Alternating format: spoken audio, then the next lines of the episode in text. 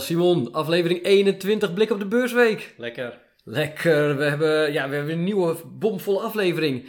Uh, het zonnetje schijnt, de terrassen zitten vol, uh, de economie draait op volle toeren. Ik hoor goede werkgelegenheidscijfers, ik hoor heel veel goed nieuws. Maar ik begin toch realistisch als ik ben uh, met toch een, een domper op de markt. Of iets wat eigenlijk als een donkere wolk boven de markt hangt.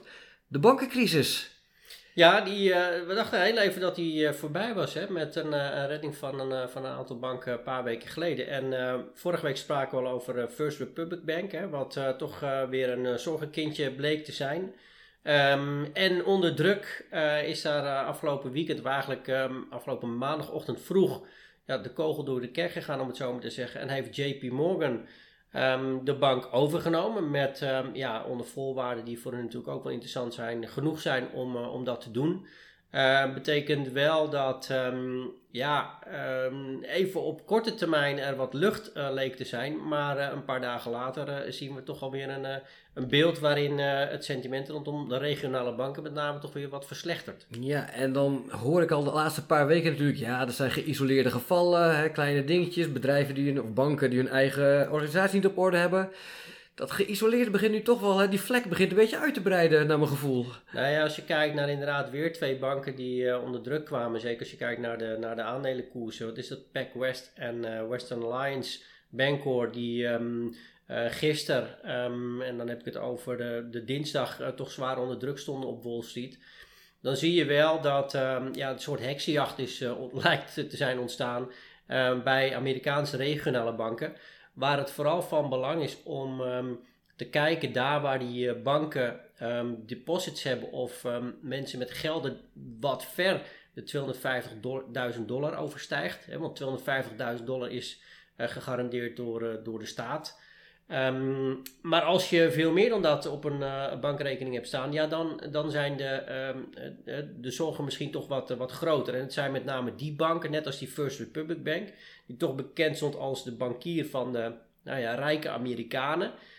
Waar dan wordt gekeken van hé, misschien zit daar ook wel een probleem. En als dan dat geld gaat schuiven, uh, ook op basis van die berichten, oftewel ja, klanten heel makkelijk via hun mobieltje, bij wijze van spreken, dat geld overboeken naar een andere bank, ja, dan kom je vanzelf in de problemen.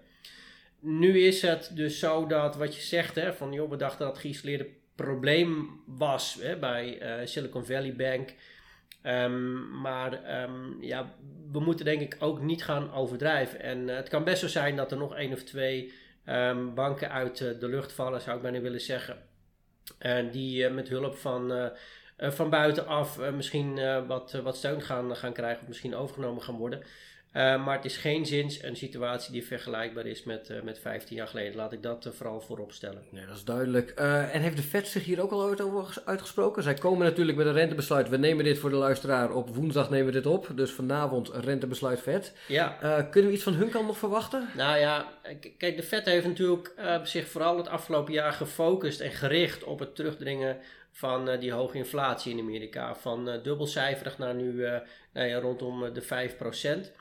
Wat nog steeds boven hun doelstelling is. Maar ze zijn uh, ook, en ze zullen ook niet voorbij gaan aan uh, toch de, de problemen die ontstaan zijn bij een aantal banken in de VS. En dat maakt dan de kans groter dat ze inderdaad na die renteverhoging van een kwartje die we vanavond verwachten, en naar een bandbreedte tussen de 5 en 5 en een kwart procent, dat het daarmee voorlopig wel even klaar is en Jerome Powell op pauzeknop zal drukken.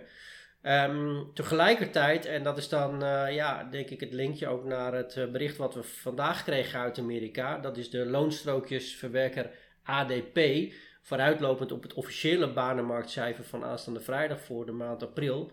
Ja, die melden toch bijna twee keer zoveel nieuwe banen als dat analisten hadden verwacht. Ja, een kleine 300.000 in plaats van de 148.000 die, die er werd verwacht. Dus dat tekent dat. Um, uh, de arbeidsmarkt in Amerika toch op dit moment nog steeds heel erg sterk is. Hè? Dus dat zal dan ja, het scenario dat de Fed op korte termijn hè, de rente weer zal gaan verlagen, wat minder uh, waarschijnlijk. Um, dus dat speelt mee. En ja, dat, hetzelfde beeld zagen we vanochtend in, in Europa, waarbij het Europese werkloosheidscijfer binnen de eurozone is gedaald van 6,6 naar 6,5 procent. Dus nog wat verder naar beneden. Dus Ja, er zijn best wel wat problemen, maar uh, puur als we kijken naar uh, uh, arbeidsmarkt, die ja, toch een graadmeter is van de consument en, dus een, en, en een belangrijke pijler onder de economie, ja, daar zien we eigenlijk nog, nog weinig scheurtjes. Tot zover een beetje de current affairs. laten we naar de agenda gaan, Simon. Ja, nou ja, het belangrijkste is dus de vet hè, vanavond.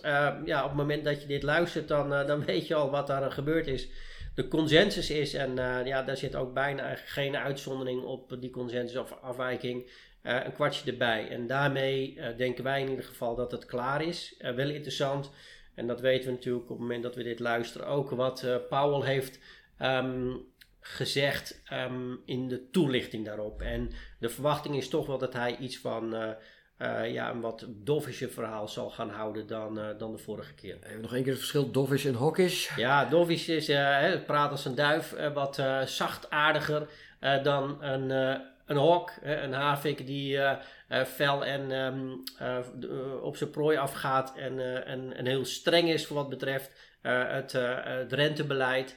Uh, dus we denken dat hij wat meer op een duif zal gaan lijken dan op een uh, havik deze Kijk, keer. Hebben we die metafoor ook weer even geduid. Um, ja, laten we doorgaan. Agenda. Ja, Staat uh, genoeg op, toch? Zeker, want we krijgen in de loop van, van de dag krijgen we um, de definitieve, respectievelijk de eerste inkoopmanagers indices van een aantal eurolanden voor de maand april nog. Dan heb ik het over Spanje, krijgen we de composite index en die van de dienstensector.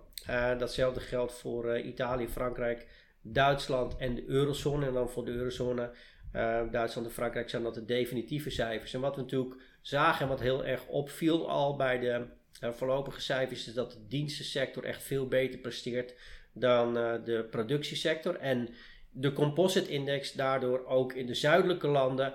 Um, misschien gek genoeg of opvallend genoeg um, ja, wat sterker is dan, dan die van de noordelijke eurolanden.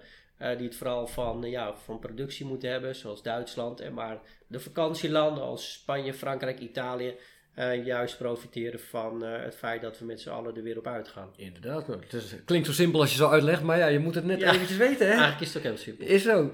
Um, is het dan vrijdag, wat natuurlijk bevrijdingsdag is, of heb je nog cijfers voor de donderdag? Um, nee, de donderdag is, um, ja, oh, we gaan er heel snel aan de donderdag voorbij, maar ik was pas bij de inkoopmensen. Oh. Maar we hebben natuurlijk de ECB, hè. De ECB die met het rentebesluit komt, een dag na de FED. Daar zullen ze zich uh, niet door uh, laten leiden. Uh, in de eurozone is de inflatie ook nog ver boven het streefniveau van 2%. En dat is ja, eigenlijk de enige taak die de ECB heeft om dat niveau weer richting die 2% te krijgen. Vandaar dat we denken ook dat de beleidsrente weer met een kwartje wordt opgetrokken. Dat betekent dat de depositorente van 3 naar 3,25% gaat. En alle andere tarieven die ze hanteren ook een kwartje worden verhoogd. Wij denken dat dat dan de ene laatste stap zal zijn. Uh, nog eentje in juni.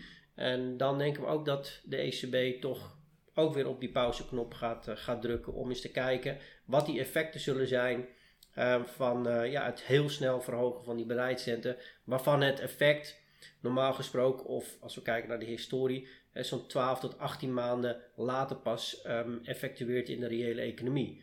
wat we nu een beetje in Amerika ook zien. Dus dat zal dan er meer toe neigen om, uh, om ook vanuit het kamp van de ECB wat meer duiven te zien. Dat is over de ECB. Gaan we door?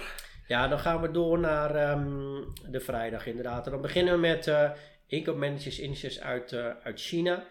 Ene grootste economie van de wereld, dus kunnen we echt niet zomaar aan voorbij. Um, daar zien we dat als we kijken naar de nieuwsdienst Caixin, die vorige maand een indexstand meldde van 54,5, wat wijst op aantrekkende economische groei zijn we natuurlijk benieuwd of, uh, of China dat vol heeft kunnen houden of dat er iets anders aan de hand is.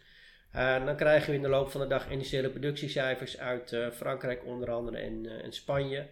maar dan heb ik geel gemaakt de winkelverkopen in de eurozone in maart. Hè, hoe heeft dan die consument in de eurozone zich gehouden in die laatste maand van het eerste kwartaal? en dan smiddags half drie trommel, trommel of roffel, roffel. Um, non-farm payrolls, oftewel het arbeidsmarktrapport uit de VS voor de maand april. Juist, en we weten het inmiddels, de Fed die kijkt vooral naar de arbeidsmarkt en inflatie en baseert daar zijn beleid op. Ja, dat is een, uh, de, de belangrijkste input voor, uh, uh, voor de Fed, die natuurlijk ja, een paar dagen daarvoor net met hun besluit is gekomen, dus dat zullen ze op basis hiervan niet meer kunnen aanpassen, niet zo snel. Wordt verwacht dat de werkloosheid ietsjes is opgelopen afgelopen maand van 3,5 naar 3,6.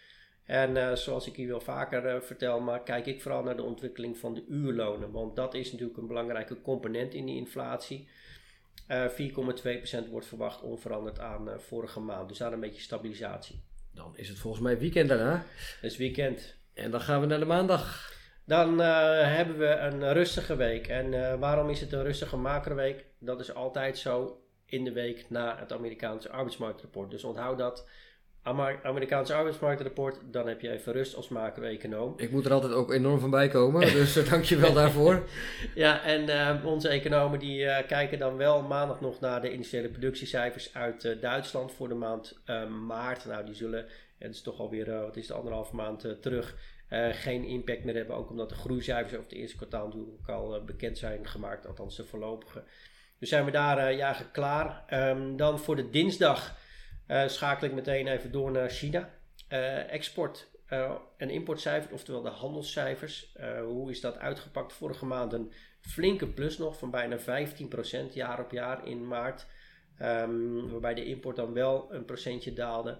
en voor nu wordt er een plus van 11% verwacht voor de export. Dus ja, dat wijst erop dat niet alleen de Chinese fabrieken weer goed draaien, maar ook dat de vraag vanuit het buitenland naar Chinese spullen nog steeds goed in stand is, is gehouden. Juist. En de woensdag? Woensdag hebben we um, definitieve inflatiecijfers uit Duitsland onder andere. Uh, maar is het vooral wachten op half drie. Um, ja, een week na het rentebesluit van de Fed volgt dan inflatie. De consumentenprijsinflatieindex in, in Amerika. en daar wordt verwacht dat die is uh, blijven staan op 5% op uh, jaarbasis, gelijk aan uh, vorige maand maart. Maar dat de kerninflatie, en dat is vooral waar de Fed naar kijkt, is vertraagd van 5,6 naar 5,4%. Dus dat zal dan ja, bevestigd moeten worden uit, uit die cijfers woensdagmiddag. We gaan het meemaken. Is er nog meer op woensdag of kunnen we naar de donderdag? Ja, er is wel meer, maar de, um, minder belangrijk. En ik denk dat we er meteen door kunnen gaan naar de donderdag. Want dan hebben we na de Amerikaanse inflatiecijfers, dus woensdag, is het de beurt weer aan China. Inflatiecijfers over april. En wat opvalt in China ten opzichte van um, de ontwikkelde markten, zoals we hier in Europa en in de VS, eh, maar ook in uh, Japan, is dat de inflatie in China eigenlijk betrekkelijk laag is gebleven, ook na die heropening. want voor de consumentenprijsinflatie wordt maar een plusje van 0,2% op jaarbasis verwacht. Dat was in de maand maart ook nog maar slechts 0,7%. Uh, voor de producentenprijsinflatie wordt een verdere daling verwacht van 3,1%. Dat was in maart ook al min 2,5%. Dus daar is sprake van deflatie. En die deflatie is niet alleen belangrijk voor de Chinese consumentenprijsinflatie, want dat geeft dan ook weer ruimte aan de Chinese centrale bank om die geldkraan wel verder open te draaien, mochten ze vinden dat dat nodig is. Maar betekent ook dat China, eh, ja, als het ware, deflatie exporteert naar de rest van de wereld. Dus alle spullen die wij via Alibaba of andere kanalen uit China hierheen krijgen. En dat geldt natuurlijk ook voor Amerika. Um, daar zou het zo zijn dat daar uh, heel duidelijk die inflatiedruk uh, begint af te nemen. En dat, ja, dat zou dan weer um, in lijn liggen met de verwachting dat de centrale bank of al op de pauzeknop hebben gedrukt. Als we het goed hebben voor wat betreft de Fed. Of dat binnenkort zullen gaan doen voor wat betreft bijvoorbeeld de ECB. Inderdaad. De vrijdag. Vrijdag. Um, dan uh, hebben we, dat is het laatste dingetje nog even voor de donderdag, eh, de producentenprijsinflatiecijfer uit Amerika. Hè, dus nou ja, eigenlijk om dezelfde reden interessant om naar te kijken. Um, voor wat betreft um, uh, consumentenprijsinflatie, die daar uh, natuurlijk ook van invloed op is. Um, en dan is het inderdaad vrijdag. Wat hebben we dan? groeicijfers uit het VK over het eerste kwartaal. daar ja, sturen wij, en daar hebben, of sturen wij, dat kunnen we zo zien op sturen, maar ehm, daar reageren markten ook niet altijd uh, even uh, heftig op. Laten we voor wat het is. Um, definitieve inflatiecijfers van een aantal eurolanden. Uh, en dan heb ik geel gemaakt en dat geeft wel aan um, hoe minder belangrijke dag dat is dan voor de markten. de Universiteit van Michigan, die met hun uh, sentimentsindicatoren en inflatieverwachtingen komt. Die heb ik dan als uh, belangrijkste voor die dag uh, aangestipt. Nog steeds meer dan genoeg te beleven dus. en dan hebben we ook nog de kwartaalcijfers. Ja, want ehm, ja, we zitten er middenin en ehm, we hebben nu, en ik tel eh, hier tot uh, woensdagochtend, um, 3 mei, zijn er 326 bedrijven uit de S&P 500 met kwartaalcijfers gekomen.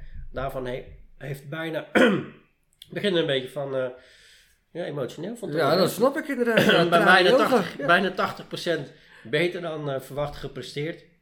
En heeft de winstgroeiverwachting met gemiddeld uh, 7,2% overtroffen. Maar ook de omzet uh, viel um, gemiddeld genomen 2,4% hoger uit dan verwacht. we zien dan ook dat voor het eerst in lange tijd, en dan praat ik echt over een um, najaar 2021, dat analisten hun winstgroeiverwachtingen voor um, de komende 12 maanden voor bedrijven uit de S&P 500 naar boven aan het bijstellen zijn. Dus daar waar we lezen over ja, recessie zorgen voor de Amerikaanse economie. zien we dat um, de, ja, fundamenten voor de Amerikaanse bedrijven er op dit moment blijkbaar beter voor staan dan uh, analisten eerder hadden ingeschat. Um, cijfers, ja, we krijgen er nog uh, genoeg.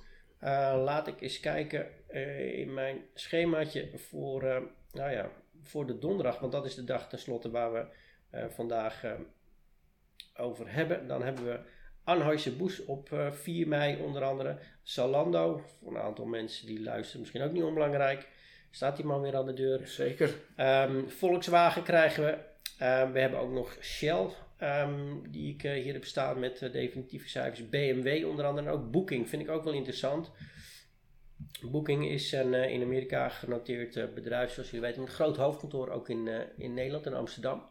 En wat we zien bij Booking is toch ja, een enorme, ik wil niet zeggen explosie, maar wel een enorm heftige belangstelling weer van consumenten om te gaan reizen, zoals je, jullie snappen. En ook Apple donderdag, ja, dus zullen de ogen echt wel opgericht zijn als big tech. Uiteraard. En zijn er vrijdag nog een paar dingetjes? Ja, voor vrijdag Adidas, Intesa San Paulo, Italiaanse bank. Um, en dan na het weekend wel aardige Westpac Banking. Uh, want dat is een van de banken, uh, banken, banken uh, die op dit moment is onder druk ligt. Ook PayPal, de digitale betalingsagent, komt met cijfers op dinsdag. Dan ga ik door naar woensdag. dan zie ik ABN AMRO, Credit Agricole, Koninklijke Aal Delhaize en Walt Disney op het programma. En voor donderdag Deutsche Telekom en dan vrijdag Allianz onder andere en Société Générale. Simon, bedankt weer voor deze week. Lang verhaal. En uh, ik hoop dat jullie allemaal zijn blijven hangen. Uh, alle duizend hè, inmiddels. Uh, we gaan inderdaad naar de duizend luisteraars per week. Mocht je nou ook inderdaad gewoon nog een reactie, reactie willen plaatsen, dan kan dat ook nog altijd. de Spotify luisteraars dan in elk geval. Trouwens op Soundcloud kan het ook gewoon. Plaats even een comment, laat even weten wat je leuk vindt, wat je minder leuk vindt, wat je misschien graag zou willen horen. Kunnen we daar misschien eens mee doen. Wij zijn blij met alle comments die we krijgen. En Simon, we gaan het volgende week gewoon opnieuw doen. Volgende week zijn we er weer. Oké, okay, tot dan. Hoi.